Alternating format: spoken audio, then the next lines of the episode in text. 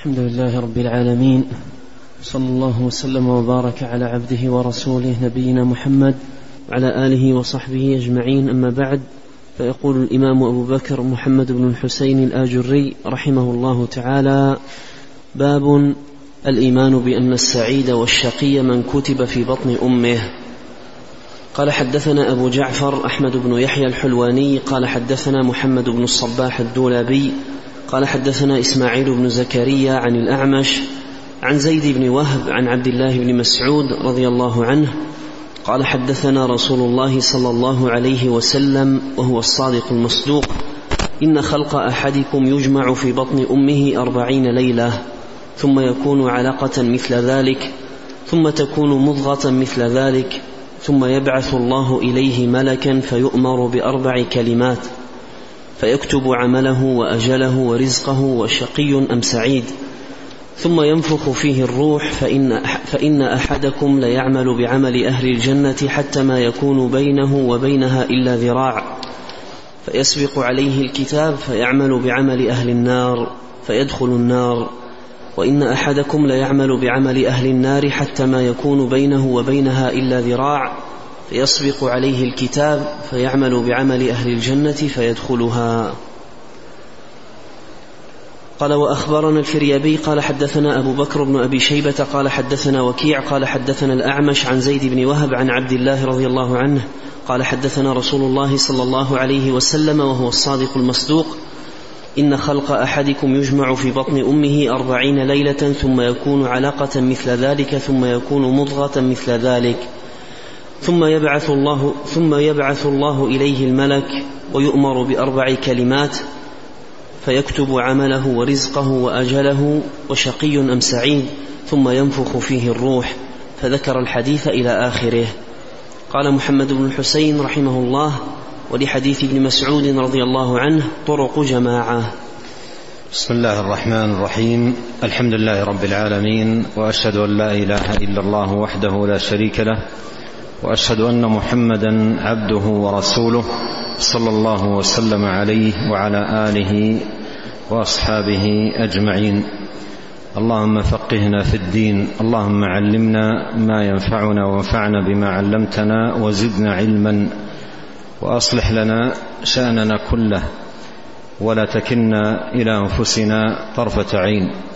اللهم إنا نسألك أن تجعل كل قضاء قضيته لنا خيرا يا رب العالمين.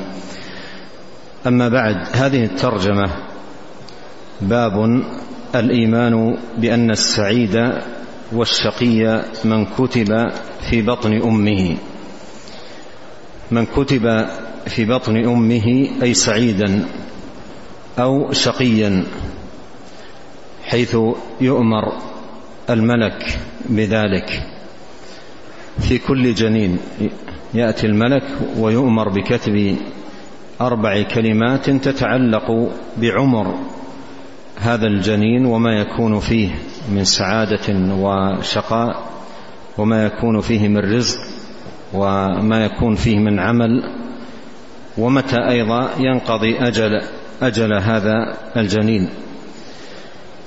فالسعيد من كتب في بطن أمه سعيدا والشقي من كتب في بطن أمه شقيا أي أن الأمور مقدرة وأن الله سبحانه وتعالى قدر أعمال العباد. وهذا التقدير الذي يكون في الذي يكون للمرء في بطن أمه هو تقدير خاص. بكل جنين وهو داخل في التقدير العام الذي كتب في اللوح المحفوظ. ولهذا فإن هذا التقدير الخاص يعد تقديرا من بعد تقدير. تقديرا أي خاصا من بعد أي التقدير العام الذي كتب في اللوح المحفوظ. وقد مر معنا نظير ذلك فيما يتعلق بآدم. قال أتلومني على شيء قدره الله علي قبل أن يخلقني بأربعين سنة. هذا تقدير خاص يتعلق بآدم عليه السلام. ومن قبل هذا التقدير الخاص كان التقدير العام الذي كتب في اللوح المحفوظ. إن الله كتب مقادير الخلائق قبل أن يخلق السماوات والأرض بخمسين ألف سنة. يقول رحمه الله الإيمان بأن السعيد والشقي من كتب في بطن أمه من كتب في بطن أمه أي سعيدا أو شقيا. كتب أي كتب ذلك الملك الذي يأمره الله سبحانه وتعالى بتلك الكتابة. وأورد حديث ابن مسعود رضي الله عنه قال حدثنا رسول الله صلى الله عليه وسلم وهو الصادق المصدوق. ذكر هذه الكلمة بين يدي هذا الخبر العظيم عن كل مولود وأنه يكتب عليه ما هو كائن في حياته من عمل كفر أو إيمان طاعة أو عصيان هداية أو ضلال سعادة أو شقاء. أيضا ما يتعلق بالرزق كاملا يكتب. وأيضا الأجل لما ذكر لما أراد أن يذكر هذا الحديث المشتمل على هذه المعاني قدم بقولها الصادق المصدوق أي الذي لا ينطق عن الهوى إن هو إلا وحي يوحى. المؤيد من ربه بالبراهين والدلائل على صدق ما جاء به صلوات الله وسلامه وبركاته عليه. فهو صادق لا يكذب وحاشاه ومصدوق قد أيده الله سبحانه وتعالى بالدلائل والبراهين.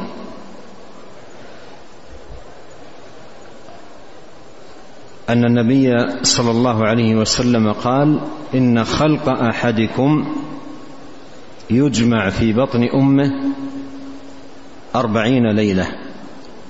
أي نطفة. ثم يكون علقة مثل ذلك. ثم تكون أي العلقة مضغة مثل ذلك. ثم يبعث إليه ملكا. أي على رأس الأربعين الثالثة. على رأس الأربعين أو على آخر الأربعين الثالثة يبعث إليه ملك. الأربعين الأولى يكون نطفة والثانية يكون علقة والثاني يكون علقة والثالثة يكون مضغة. والمضغة هي القطعة الصغيرة من اللحم بقدر ما يمضغ في الفم. وهذه من أطوار خلق الإنسان.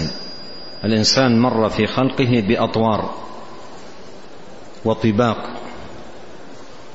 ذكرها الله سبحانه وتعالى إجمالا في قوله لتركبن طبقا عن طبق. طبقا عن طبق علقة ثم مضغة ثم آه، يخرج طفلا ثم يبلغ الأشد. وهكذا. طبقا عن طبق. هذه أطوار خلق الإنسان. وذكرها الله سبحانه وتعالى تفصيلا في مثل قوله يا أيها الناس إن كنتم في ريب من البعث فإنا خلقناكم من تراب ثم من نطفة ثم من علقة ثم من مضغة مخلقة وغير مخلقة لنبين لكم ونقر في الأرحام ما نشاء إلى أجل مسمى. ثم يخرجكم طفلا ثم ثم لتبلغوا أشدكم ومنكم من يتوفى ومنكم من يرد إلى أرذل العمر لكي لا يعلم من بعد علم شيئا. فهذه أطوار أطوار خلق الإنسان. وهذا الحديث ذكرت فيه ثلاثة أطوار النطفة والعلقة والمضغة. وأن كل طور منها يكون أربعين يوما أو أربعين ليلة. وأنها إذا اكتملت هذه الأربعين الأربعينات الثلاث ومجموعها مئة وعشرين ليلة إذا اكتملت يرسل إليها الملك. ويؤمر بأربع كلمات. أي أن يكتب أربع كلمات تتعلق بهذا الجنين. أربع كلمات. عمله ويدخل تحت العمل كل أعماله التي يقوم بها من يولد إلى أن يموت. لأن القاعدة عند العلماء أن المفرد إذا أضيف يفيد العموم. عمله أي أعماله. عمله أي أعماله كلها. فيكتب عمله أو فيكتب عمله وأجله أي متى تكون وفاته. فالآجال مقدرة لكل أجل كتاب. ورزقه يكتب رزقه كل ما يطعمه ويشربه وما أيضا يكون له من مسكن أو مركب أو غير ذلك من الأرزاق كلها تكتب. وشقي أم سعيد؟ هل هو من أهل الشقاء أو من أهل السعادة؟ هل هو من أهل الجنة أو من أهل النار؟ هذا كله يكتب وهو في بطن الأم. ثم ينفخ ثم ينفخ فيه الروح. ثم ينفخ فيه الروح. فإن أحدكم ليعمل بعمل أهل الجنة حتى ما يكون بينه وبينها إلا ذراع فيسبق عليه الكتاب فيعمل بعمل أهل النار فيدخل النار. وإن أحدكم ليعمل بعمل أهل النار حتى ما يكون بينه وبينها إلا ذراع فيسبق عليه الكتاب فيعمل بعمل أهل الجنة فيدخلها. ولهذا كان السلف رحمهم الله يخافون خوفا شديدا من هذين الأمرين السوابق والخواتيم وإليهما أشير في هذا الحديث. السوابق أي ما سبق في علم الله وما قدر وقضى في اللوح المحفوظ وهذا أمر مغيب لا يدري عنه الإنسان. فكانوا يخافون من السوابق. والله يقول إن الذين سبقت لهم منا الحسنى أولئك عنها أي النار مبعدون. فكانوا يخافون من السوابق ويخافون أيضا من الخواتيم. يا مقلب القلوب ثبت قلبي على دينك. ربنا لا تزغ قلوبنا بعد إذ هديتنا. فكانوا يخافون من ذلك خوفا عظيما. وهذا من فائدة الإيمان بالقدر العظيمة لأن الإيمان بالقدر صلاح للمرء وفلاح له في الدنيا والآخرة وعدم الإيمان بالقدر ضياع وهلاك للمرء في دنياه واخراه ولا يستقيم إيمان مرء ولا ينتظم توحيده ولا يزكو عمله إلا بإيمانه بأقدار الله. فالقدر نظام التوحيد كما قال ابن عباس رضي الله عنهما. القدر نظام التوحيد. لا ينتظم توحيد المرء ولا يستقيم عمل ولا يستقيم له عمل إلا بالإيمان بالقدر.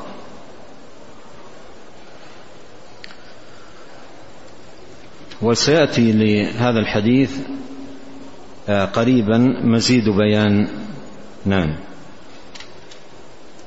قال رحمه الله تعالى وأخبرنا الفريابي قال حدثنا قتيبة بن سعيد قال حدثنا سفيان عن عمرو وهو ابن دينار عن أبي الطفيل عن حذيفة بن أسيد رضي الله عنه قال قال رسول الله صلى الله عليه وسلم يدخل الملك على النطفة بعدما تصير في الرحم بأربعين أو بخمس وأربعين ليلة فيقول أي رب ما هذا أشقي أم سعيد؟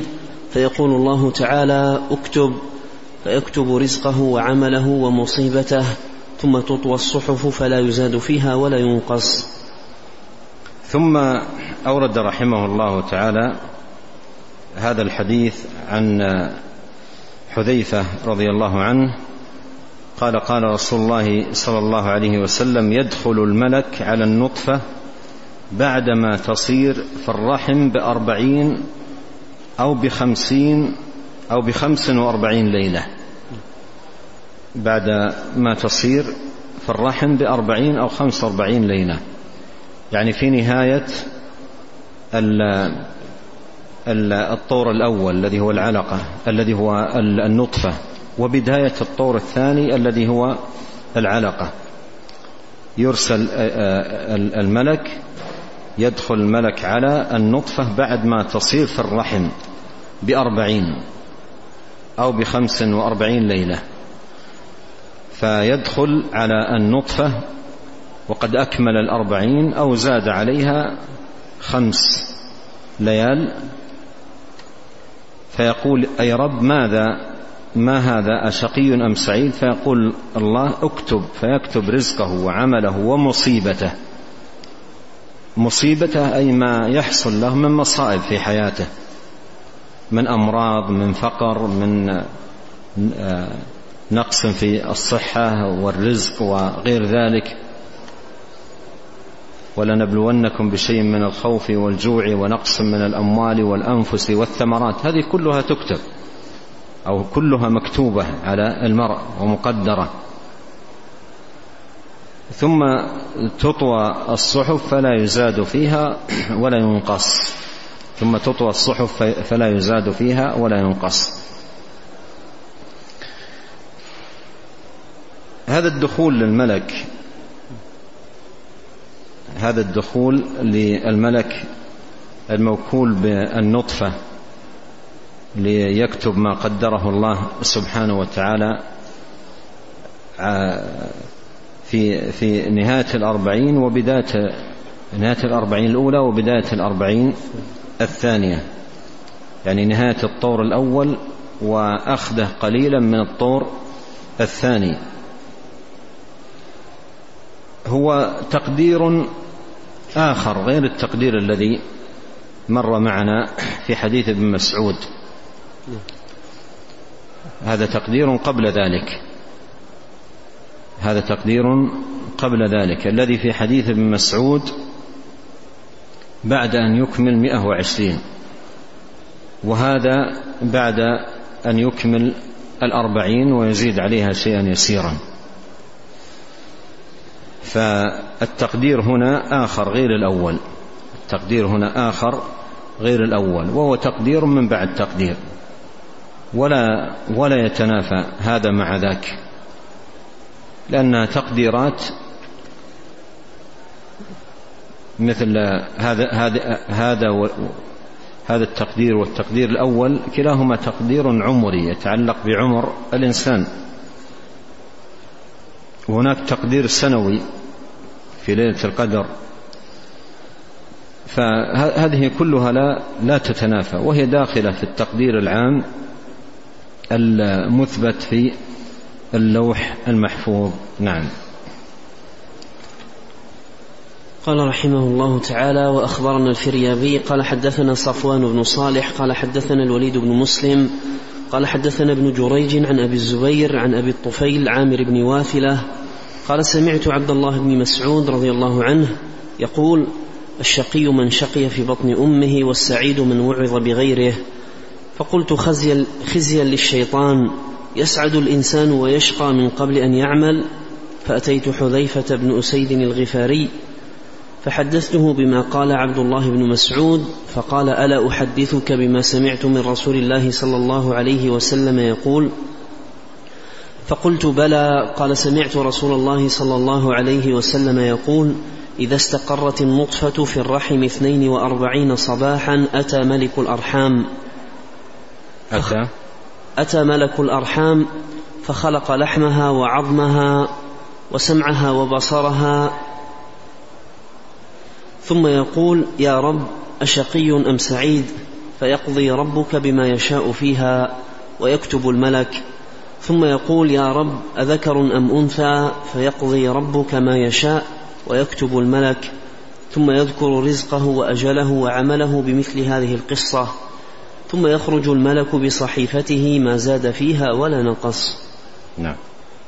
قال أخبرنا أبو عبيد علي بن الحسين بن حرب قال حدثنا أبو الأشعث أحمد بن المقدام قال حدثنا محمد بن أبي عدي عن ابن جريج قال حدثني أبو الزبير عن أبي الطفيل قال سمعت عبد الله بن مسعود رضي الله عنه يقول الشقي من شقي في بطن أمه والسعيد من وعظ بغيره قال قلت خزيا للشيطان أيسعد الإنسان ويشقى قبل أن يعمل قال فألقى حذيفة بن أسيد قال فألقى حذيفة بن أسيد قال فلقي لعلها.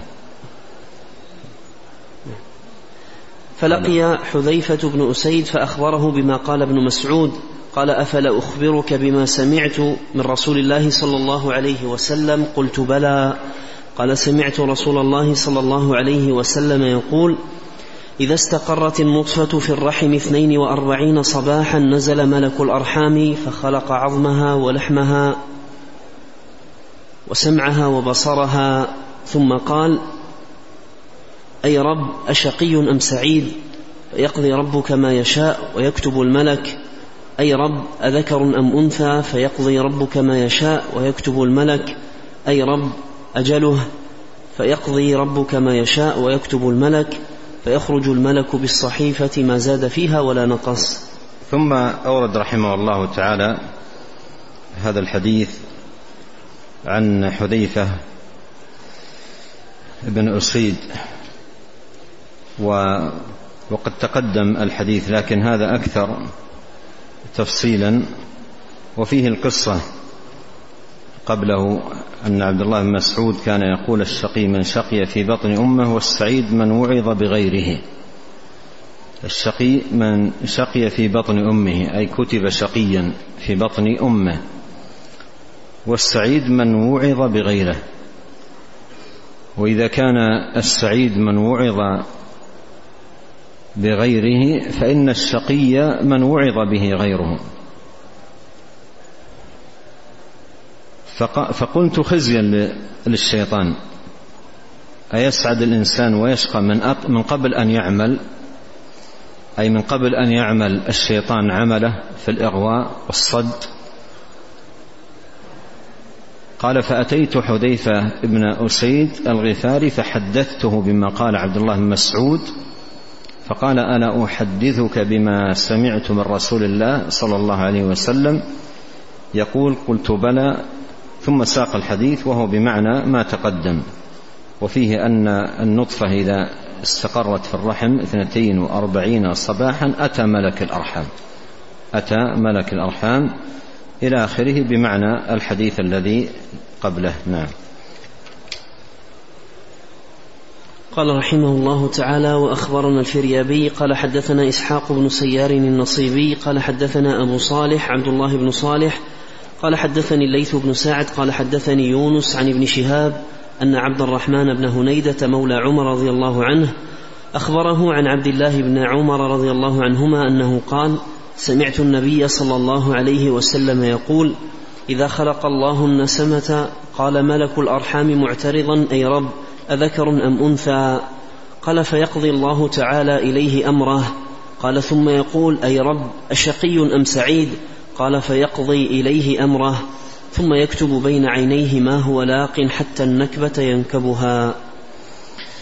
ثم أورد رحمه الله حديث عبد الله بن عمر وهو بمعنى الأحاديث التي قبله أنه سمع النبي صلى الله عليه وسلم يقول إذا خلق الله النسمه قال ملك الأرحام. معترضا. معنى معترضا أي سائلا. معترضا أي معترضا يسأل. يسأل الله ماذا يكتب. وقوله إذا خلق الله النسمه يعني حين النفخ في الروح وهذا يكون بعد الأربعين الثالثة كما في حديث مسعود المتقدم. فيسأل الملك أي رب أذكر أم أنثى؟ فيقضي الله أشقي أم سعيد؟ فيقضي الله. ثم يكتب بين عينيه ما هو لاق حتى النكبة يعني المصيبة والبلوى. نعم. قال رحمه الله تعالى وأخبرنا الفريابي قال حدثنا أبو بكر ابن أبي شيبة قال حدثنا يحيى بن آدم عن حماد بن زيد عن عبيد الله بن أبي بكر أن أنس بن مالك رضي الله عنه حدثه قال قال رسول الله صلى الله عليه وسلم إن الله تعالى قد وكل بالرحم ملكا فيقول أي رب انطفه أي رب أعلقه أي رب أمضغه؟ فإذا أراد الله تعالى أن يقضي خلقها قال يقول الملك أذكر أم أنثى أشقي أم سعيد؟ فما الأجل؟ فما الرزق؟ فيكتب ذلك في بطن أمه. نعم ثم أورد رحمه الله هذا الحديث عن أنس رضي الله عنه وهو بمعنى الأحاديث التي قبله. نعم.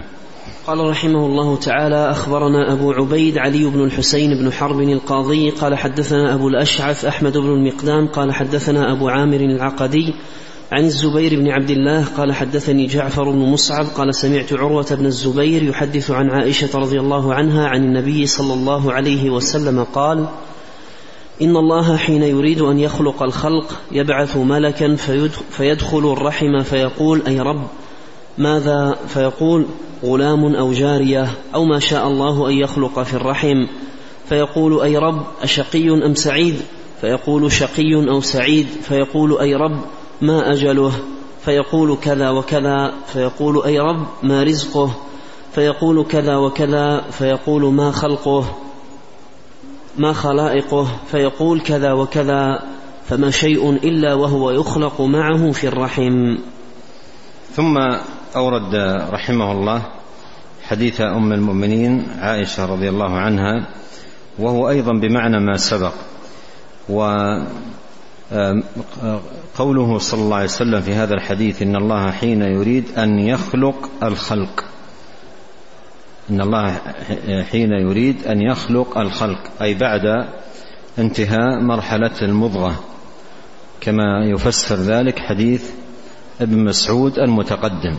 فحين يريد أن يخلق الخلق وينفخ آه، الروح يرسل الملك ويؤمر بكتب هذه الكلمات التي جاءت في هذا الحديث. وقوله غلام أو جارية أي ذكر أو أنثى كما في الروايات والأحاديث المتقدمة. نعم. قال رحمه الله تعالى وأخبرنا أبو محمد عبد الله بن محمد بن ناجية قال حدثنا وهب بن بقية الواسطي قال أخبرنا خالد يعني ابن عبد الله الواسطي عن يحيى بن عبد الله عن أبيه عن أبي هريرة رضي الله عنه قال قال رسول الله صلى الله عليه وسلم الشقي من شقي في بطن أمه والسعيد من سعد في بطنها. نعم وهذا الحديث حديث أبي هريرة إسناده ضعيف لكن المعنى دلت عليه الأحاديث المتقدمة الشقي من شقي في بطن أمه. مثل ما تقدم أشقي أم سعيد؟ فالشقي من شقي في بطن أمه معنى شقي في بطن أمه أي كتب شقيا. والسعيد من سعد في بطن أمه أي كتب في بطن أمه سعيدا. نعم. قال رحمه الله تعالى حدثنا أبو بكر عبد الله بن زياد النيسابوري قال حدثنا يونس بن عبد الأعلى في كتاب القدر قال حدثنا عبد الله بن وهب قال أخبرني سعيد بن عبد الرحمن عن أبي حازم عن سهل بن سعد الساعدي رضي الله عنه أن النبي صلى الله عليه وسلم قال إن الرجل لا يعمل عمل أهل الجنة فيما يبدو للناس وإنه لمن أهل النار وإن الرجل لا يعمل عمل أهل النار فيما يبدو للناس وإنه لمن أهل الجنة. ثم أورد حديث سهل بن سعد الساعدي رضي الله عنه وهذا الحديث مفسر لحديث ابن مسعود الذي صدر به المصنف رحمه الله تعالى هذه الترجمة. فإن ما جاء في حديث ابن مسعود رضي الله عنه في أول هذه الترجمة قال إن أحدكم ليعمل بعمل أهل الجنة حتى ما يكون بينه وبينها إلا ذراع فيسبق عليه الكتاب فيعمل بعمل أهل النار. يفسره ما جاء في حديث سهل قال إن الرجل يعمل بعمل أهل أهل الجنة فيما يبدو للناس. فيما يبدو للناس. وإن الرجل لا يعمل بعمل أهل النار فيما يبدو للناس. فهذه هذه هذا الحديث مفسر للحديث الأول. ولهذا يقول ابن رجب رحمه الله قوله فيما يبدو للناس إشارة إلى أن باطن الأمر يكون بخلاف ذلك. بخلاف ذلك أي بخلاف الظاهر. وأن خاتمة السوء تكون بسبب دسيسة باطنة للعبد. لا يطلع عليها الناس. إما من جهة عمل سيء ونحو ذلك. فتلك الخصلة الخفية توجب سوء الخاتمة عند الموت. أما من صلح باطنه فإن الله يثبته ويحفظ له دينه وإيمانه كما قال الله تعالى يثبت الله الذين آمنوا بالقول الثابت ففي الحياة الدنيا وفي الآخرة. فصاحب الإيمان الذي استقام باطنه على الإيمان لا يخذله الله. سبحانه وتعالى بل يثبته ويحفظ له إيمانه. وما كان الله ليضيع إيمانكم يحفظ له سبحانه وتعالى إيمانه. لكن من كان ظاهره؟ الاستقامة وباطنه فيه دسائس سيئة وخبيثة. فهذا الذي يكون من نصيبه والعياذ بالله سوء الخاتمة. كما يوضح ذلك قوله في الحديث فيما يبدو للناس. قال رحمه الله وكذلك قد يعمل الرجل عمل أهل النار وفي باطنه خصلة خفية من خصال الخير فتغلب عليه تلك الخصلة في آخر عمره فتوجب حسن الخاتمة. تغلب عليه هذه الخصلة الطيبة في آخر عمره فتوجب له حسن الخاتمة. الحاصل أن هذا الحديث مفسر للحديث الأول ومن كان مستقيم الباطن بالإيمان فالله لا لا يضيع له إيمانه بل يحفظ له إيمانه. ولهذا نقل ابن القيم رحمه الله عن عبد الحق الأشبيلي أنه قال واعلم أن سوء الخاتمة أعاذنا الله منها لا تكون لمن استقام ظاهره وصلح باطنه. ما سمع بهذا ولا علم به ولله الحمد.